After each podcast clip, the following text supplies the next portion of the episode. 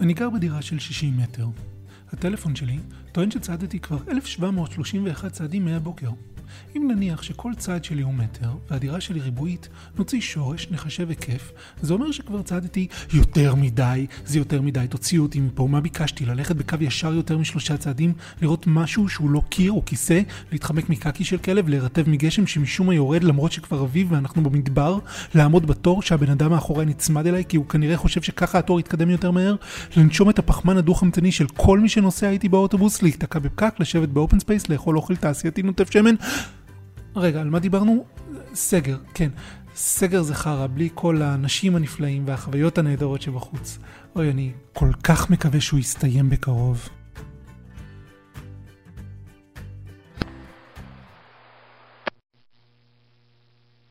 לפני כמה שבועות קניתי קורקינט. משהו קצת מוזר כזה עם גלגל אחד, לאלה שאוהבים להסתבך. מאז, אני כמעט כל לילה בחצות יוצא לרכב. זה סוג של זמן לעצמי כזה, לחשוב, להקל, להתנתק. בהתחלה הייתי רוכב בכיכר הבימה. משטח גדול, הרבה מקום לטעויות. עושה סיבוב ועוד סיבוב.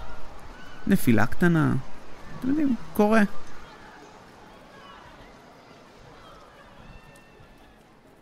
ככל שהימים עברו, התקדמתי. עברתי לשבילים, לנתיבי אופניים, לספורטק. זה היה השקט שלי. לרכב, לשמוע מוזיקה ולראות אנשים, פאבים וחנויות. תל אביב כזה. בימים האחרונים התחלתי לרכב על הכביש. בינינו, זה לא שהפחד שלי מליפול נעלם, או שפתאום ממש השתפרתי. זה שפשוט הפכתי להיות היחידי בכביש.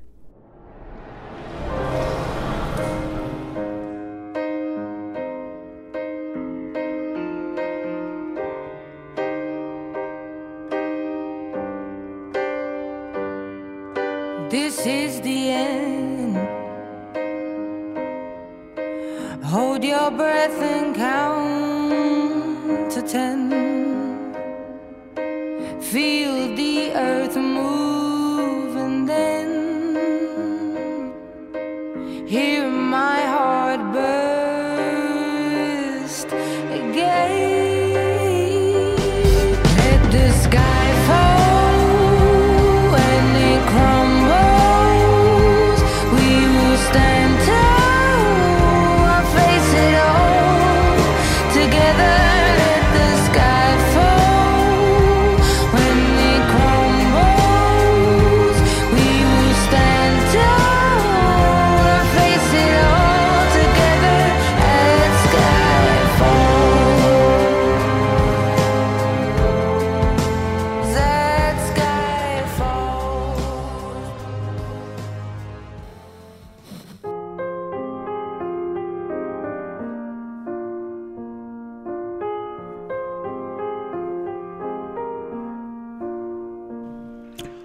אני יודע איך נכנסתי לכל הסיפור הזה. אני לא בטוח איך אני אצא ממנו. בידוד אני מבין, גם לא ללחוץ יד זה בסדר. למנוע התקהלויות זה ממש יום חג למיזנטרופים. גם ליל הסדר יהיה הרבה יותר פשוט. אבל מתי זה יסתיים? כמה אוויר נשאר לנו אחרי שהורדנו את הראש מתחת למים? מי מכריז על סיום? מי מודיע שהכל כבר בסדר ואיך זה ייראה? האם תהיה מסיבת עיתונאים שאחריה אלפים יוצאים לרחובות ורוקדים הורה במעגלים ומחזיקים ידיים ללא חשש? האם נחזור להגיד לבריאות למי שמתעטש? האם ראומה אלדר תחזור להסתובב ברחובות תל אביב ולספר לכל מי שרוצה לשמוע מה השעה? האם שוב פוליטיקאים ינשקו תינוקות לפני בחירות? האם היום שאחרי ייראה כמו היום שלפני? או שמא התהליך שנעבור ישנה את פני החברה לנצח?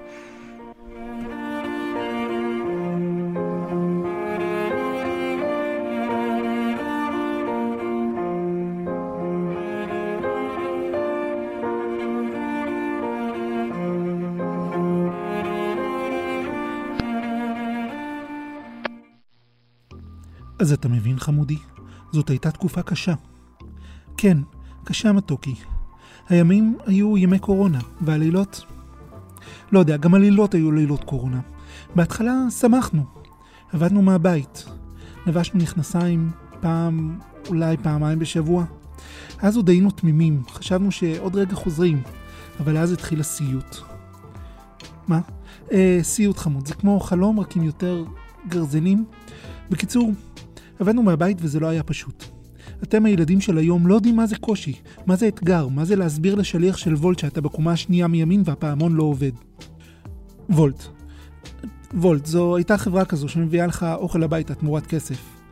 כסף זה מה שהשתמשנו בו לפני שהקיסרית קרסצינטה ירו מודה והשתבח שמה שלחה את כולנו לעבוד במכרות, ועכשיו אנחנו לא צריכים יותר כסף. או אוכל. כן, התודה והברכה לקיסרית. תמשיך לחפור מתוק. איפה הייתי? כן, סבל. אתה לא יודע מה זה לעבוד במשך יום שלם, כשבמרחק של פחות משני מטר, או חצי מטר אם אתה גר בתל אביב, נמצאת המיטה שלך. מיטה, זה, זה כמו הזרדים שקיבלנו בזכות נדיבות ליבה של הקיסרית קרסצינטה תעולל ראתה והתנסו נחיריה, רק יותר מלבני ופחות קוצני. מושמוש, אתה לא יודע מה זה לשבת בשקט אחרי שנים של עבודה ב open space. איך זה להיות מסוגל להתרכז לראשונה בקריירה כששום דבר לא מפריע לך חוץ מהציפורים שמצייצות בחוץ. ציפורים. ציפורים זה כמו... עזוב. אבל אתם, הילדים של היום, החיים שלכם דבש. חופרים כל היום, סוגדים לקיסרית קסטינטה, התגדל שערה והשתבר זנבה כל הלילה. אנחנו היינו צריכים לזכור להתחבר ל-VPN. לתקן את השולחן הזה שכבר שנים עושה רעשים מוזרים ואף פעם אין כוח להבין מאיפה הם מגיעים. להשתדל להתקלח גם בימים שהמגע האנושי היחיד שהיה לנו היה בצ'אט. צ'אט, זה הדרך שבה אבא התחיל עם אמא. וככה אתה באת לעולם. תשעה חודשים אחרי לילות הקורונה.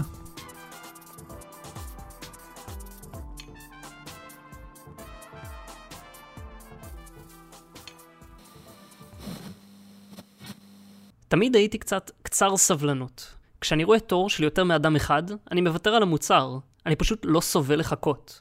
כשאני בטעות פותח ספר מתח, אני יכול לשבת עליו שמונה שעות ברציפות. אני חייב לדעת איך הוא יסתיים. אפילו כשאני מדבר עם בן אדם שלוקח יותר מדי הפסקות בין המילים, אני משתגע ומפסיק להקשיב לו. זה לא שפוי במיוחד, אני יודע. אז אולי כעונש, קראו לזה קרמה, דווקא אני נכנסתי לבידוד לשבועיים. לכאורה מחיר הוגן לחופשת סקי באוסטריה. לכאורה. ביום הראשון זה באמת הרגיש כמו חופש. קצת עבודה מהבית, בפיג'מה, עניינים. ביום השני כבר איפסתי את המייל. ביום השלישי כבר סיימתי את אחרון המסמכים בתיקייה של לקרוא מתישהו כשיהיה לי כוח. ביום הרביעי העיניים שלי כבר כאבו מרוב נטפליקס. ביום השישי פשטתי על המטבח, הכנתי פשטידה, שניצלים וקינוח. חברה הייתה בעננים. ביום שבת, אלוהים אולי נח, אבל אני מרוב שעמום וחוסר מעש החלטתי כבר לנקות את הבית. וזה היה רק השבוע הראשון. אני מסתובב בבית מצד לצד כמו אריה בכלוב. פשוט כי כבר כמעט שבועיים לא הלכתי יותר מעשרה צעדים לאותו הכיוון. מהמקרר לספה, למיטה, למקרר, למחשב, לשירותים, למקרר, לשולחן, ל... אמרתי כבר מקרר? מקרר.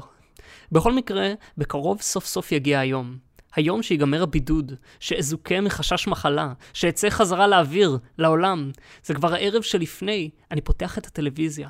מולי עומד לו ראש הממשלה בחליפה סמכותית ומבט חמור סבר. הוא פונה למדינה, עם הרבה הפסקות בין המילים, אבל המסר שלו קצר ופשוט. עמיחי, תישאר בהסגר. סבלנות. Shed a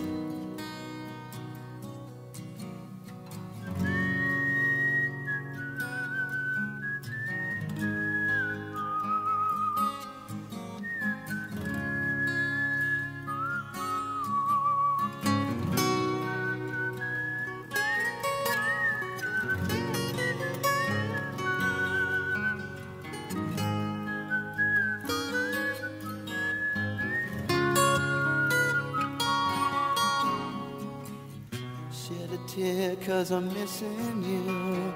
I'm still alright to smile. Girl, I think about you every day now. Was a time when I wasn't sure, but you set my mind at ease. There is no doubt you're in my heart now. said, woman, take it slow, it'll work itself out fine. All we need is just a little patience. Said, sugar, take the time, cause the lights are shining bright.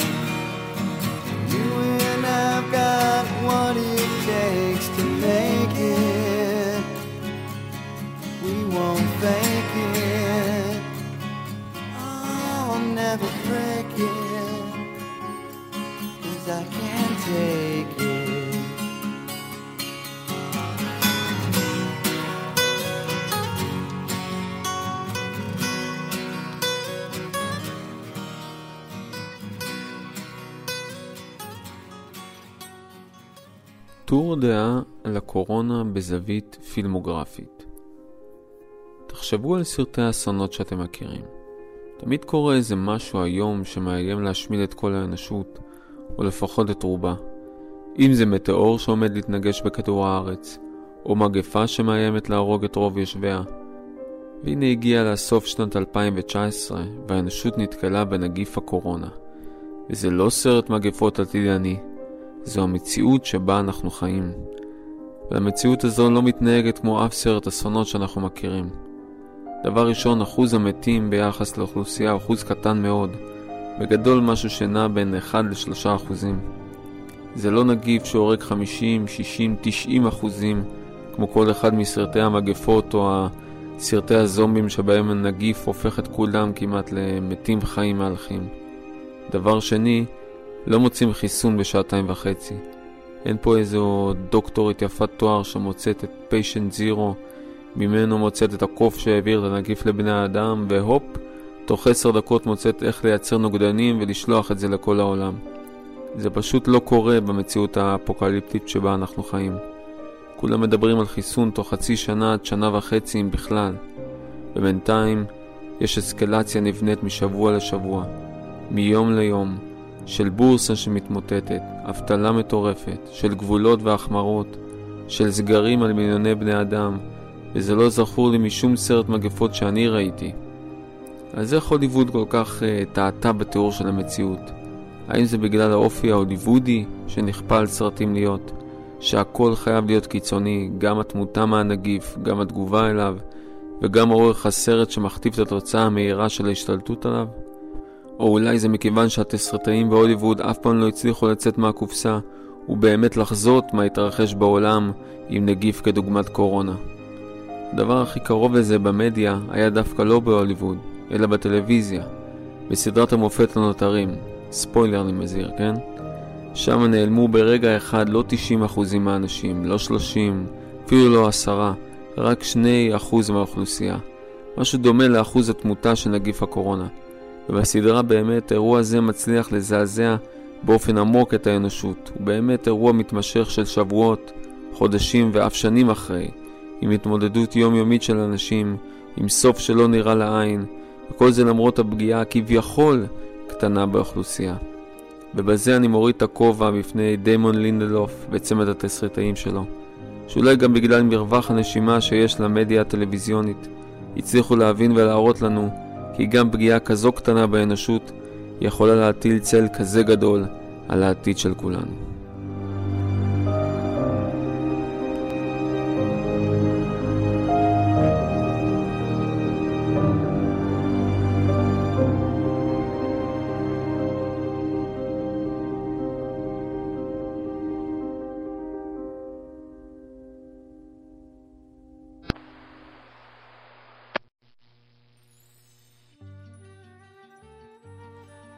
ברוכים השבים למטיילים עם גיל.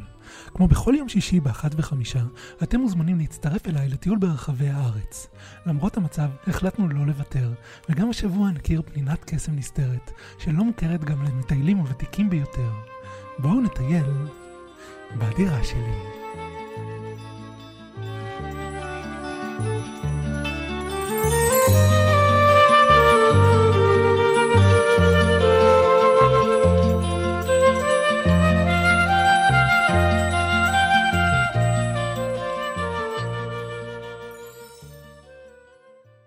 נתחיל בסיור בפינת חדר השינה. מימיננו נוכל לראות מיטה, עם מצעים שלא הוחלפו בשבוע האחרון. אם נעמוד על קצות האצבעות, אולי נוכל לראות את השידה שלידה. היום זה יום עם ראות לא רעה, וניתן לצפות מכאן על המגירות. ביום עם ראות מצוינת, ניתן אפילו לצפות בתוכן המגירות. נמשיך בסיור, ולאחר כ-30 עד 40 סנטימטר, אנחנו נוכל להגיע לארון. ההרפתקנים מבינינו יוכלו לפתוח את דלתות הארון ולבחון מה יש בתוכו. במדף התחתון, נעליים. מעל סלסלת הגרביים ומעליהם תחתונים ובגדי התעמלות. אם נמשיך לטפס במעלה הארון, נוכל לראות את ערימת חולצות הטישרט ולידן חולצות הטישרט שמקבלים בכנסים. נמשיך במעלה הארון ונראה ערימה של ג'ינסים. אם נציץ מאחוריהם, בשקט שלא נפריע לעטלפים הישנים, נוכל לראות טריינינגים. כעת אנחנו יכולים לסגור את הארון ולהמשיך בטיולנו. שימו לב כשאתם הולכים בזהירות לא להכניס את הרגל לשלישיית השקעים שנמצאת בסמוך לרצפה. נמשיך עם השביל, נפנה שמאלה ונצא דרך דלת חדר השינה אל המסדרון. שימו לב לנופים המרהיבים של המסדרון. אנחנו נוכל לראות משמאלנו את הכפתור של הבוילר, ומימיננו נורה בודדת יוצרת תאורה ייחודית ומסקרנת בכל המסדרון. נמשיך ונפנה שוב שמאלה וניכנס לחדר האמבטיה. שימו לב שבאזור הזה, בתקופות מסוימות של השנה, יש רטיבות על הרצפה, ורצוי להצטייד בנעליים נוחות להליכה במים. משמאלנו נראה את המקלחת. על קירות המקלחת נוכל לראות צורות מעניינות שיצרו השיש והאבנית, אפשר להסתכל עליהן כמו ציור שהטבע יצר. אם נפנה את המבט למעלה, נוכל לראות את הנטיפים שנוצרו מהרטיבות של הדיירים הקודמים שלא יבררו כמו שצריך את חדר האמבטיה. נמשיך בעקבות הנטיפים. נוריד טיפה את מבטנו וכעת אנחנו נוכל לראות מדריך טיולים מדבר לעצמו במראה. איזה פלא. ובכן, נוריד עוד טיפה את מבטנו, נוכל לראות את השיש. על השיש מפוזרים מבחר ממצאים ארכיאולוגיים, בין היתר, הו, מה זה? ממצא נדיר במיוחד. אלכוג'ל. וואו, לא האמנתי שאראה אלכוג'ל בתקופה הזו. כבר כמעט לא ניתן למצוא אתרים ארכיאולוגיים שיש בהם אלכוג'ל. הם נבזזו כולם כבר מזמן על ידי שודדי עתיקות. אם נסתובב שוב, נוכל לראות מכונת כביסה, ומעליה ערימה של כביסה מלוכלכת. נתקרב לערימה ונהנה מהארומה העשירה של כביסה מלוכלכת מצד אחד, ואבקת הכביסה ומהרכך, שנמצאים בסמוך לה. בדרכנו החוצה מחדר האמבטיה נסתכל למעלה, כמעט בגובה הנטיפים, נוכל לראות דלת של בוידם. כן, בוידם זו עדות היסטורית לכך שבעבר האזור הזה נשלט על ידי מהגרים גרמנים שהתיישבו במקום באמצע המאה שעברה. נמשיך ונחזור למסדרון. נציץ מעט שמאלה לחדר השירותים. מי שמעוניין יכול לנצל את הצל והמים הזורמים להפסקה קצרה לשטיפת ידיים. נחזור עוד 20 שניות.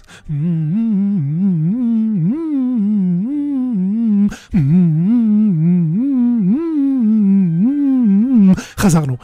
נמשיך בסיורנו ונגיע לפינת האוכל. נוכל לראות פה משטח רחב שכנראה שימש לפולחן כלשהו, או שסתם אנשים אכלו עליו. הוא כנראה שימש לפולחן כלשהו.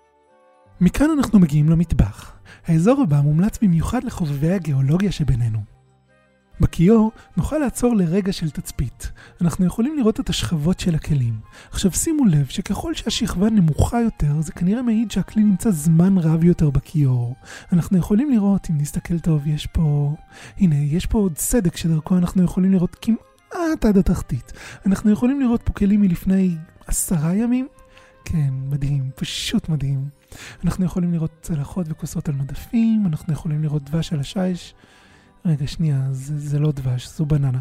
כן, זו בננה, זה לא דבש. נעבור למזווה שמלא בקופסאות שימורים, חצילים בחומץ, סנפירי דג כסף ממולאים, פרוות צ'ינצ'ילה בסירופ קל, נראה שאלה קופסאות השימורים האחרונות שנשארו על המדף. על הקיריים נעשה סקר ביולוגי קצר. אנחנו יכולים לראות איך התפתחו פה יצורים ברמת תחכום עולה. כן, יש פה יצורים חד-תאיים שמזינים את היצורים הרב-תאיים, בעיקר ממשפחת החרקים. טוב, אנחנו נצא מהמטבח ונגיע לפינת העבודה. אם נשים לב, יש פה לפטופ ומקלדת ועכבר, וכולם מכוסים שכבה עבה של אבק. כנראה שאף אחד לא נגע בהם בתקופה האחרונה. נמשיך לסלון. בסלון אנחנו נראה ספה לארבעה אנשים. מישהו היה אופטימי, ומבחר חלונות סגורים, כנראה כי יש מזג אוויר מגעיל בחוץ וצריך לבודד את האפור המעונן שבחוץ לאפור המגעיל שבפנים.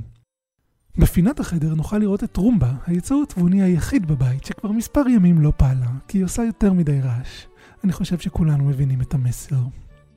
אנחנו נסיים את ציורנו בדלת היציאה מהבית.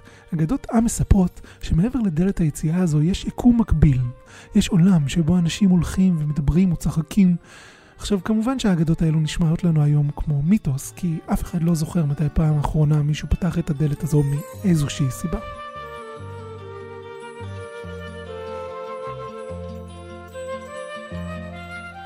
נתראה בפעם הבאה במטיילים עם גיל.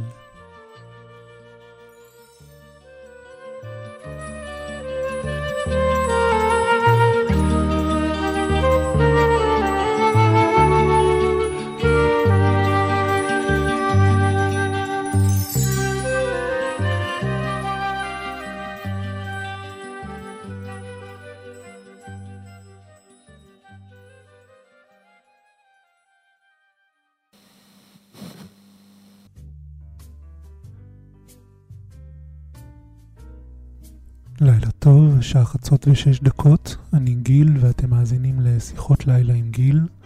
מסמנים לי שכבר יש לנו מאזין על הקו, עם מי יש לי הכבוד. הלו, גיל, מה המצב גבר? שלומי מצוין, מצוין. מי כבודו? אני גיל אחי! וואי, וואי, איך אני מת על התוכנית שלך. תודה רבה גיל, נעים להכיר. מאיפה אתה מתקשר אלינו גיל? אני מהדירה שלי. יפה, יפה. ותגיד גיל, איך אתה מעביר את הזמן בלילות האלו? אה, תראה, אני לוקח את הזה, שם אותו ככה, מורח אותו לכדור קטן, גיל, גיל, אני נאלץ לקטוע אותך, אנחנו לא יכולים לראות. אתה בטלפון. ואז זורק את זה ככה, מעניין. ככה. ואז מה? ואז אני לוקח עוד אחד כזה. הבנתי. מה עוד תרצה לספר לנו גיל? תגיד, אחי, הרגשת פעם שאתה לבד, אבל לא לבד? לבד, אבל לא לבד? בדיוק, ידעתי שתבין שאתה אתה, אבל אתה גם לא אתה. אני מקשיב. אתה מבין, כאילו, אתה יכול להיות במקום, אבל באותו זמן לא להיות במקום, או להיות במקום שונה לגמרי, שהוא בעצם אותו מקום. אז איפה אתה במקום המקום? במקום, אחי, במקום. מהמם. וכל מה שאני עושה, אני לא באמת עושה, וכל מה שאני לא באמת עושה, אולי אני בעצם עושה. אז מה אתה עושה? אני לוקח את הזה, שם, מורח, עוטף עם הזה, מורח כזה, וזורק שמה. לילה טוב גיל, ולילה טוב גם לכם המאזינים, ותודה. שהייתם איתנו בעוד תוכנית של שיחות לילה עם גיל.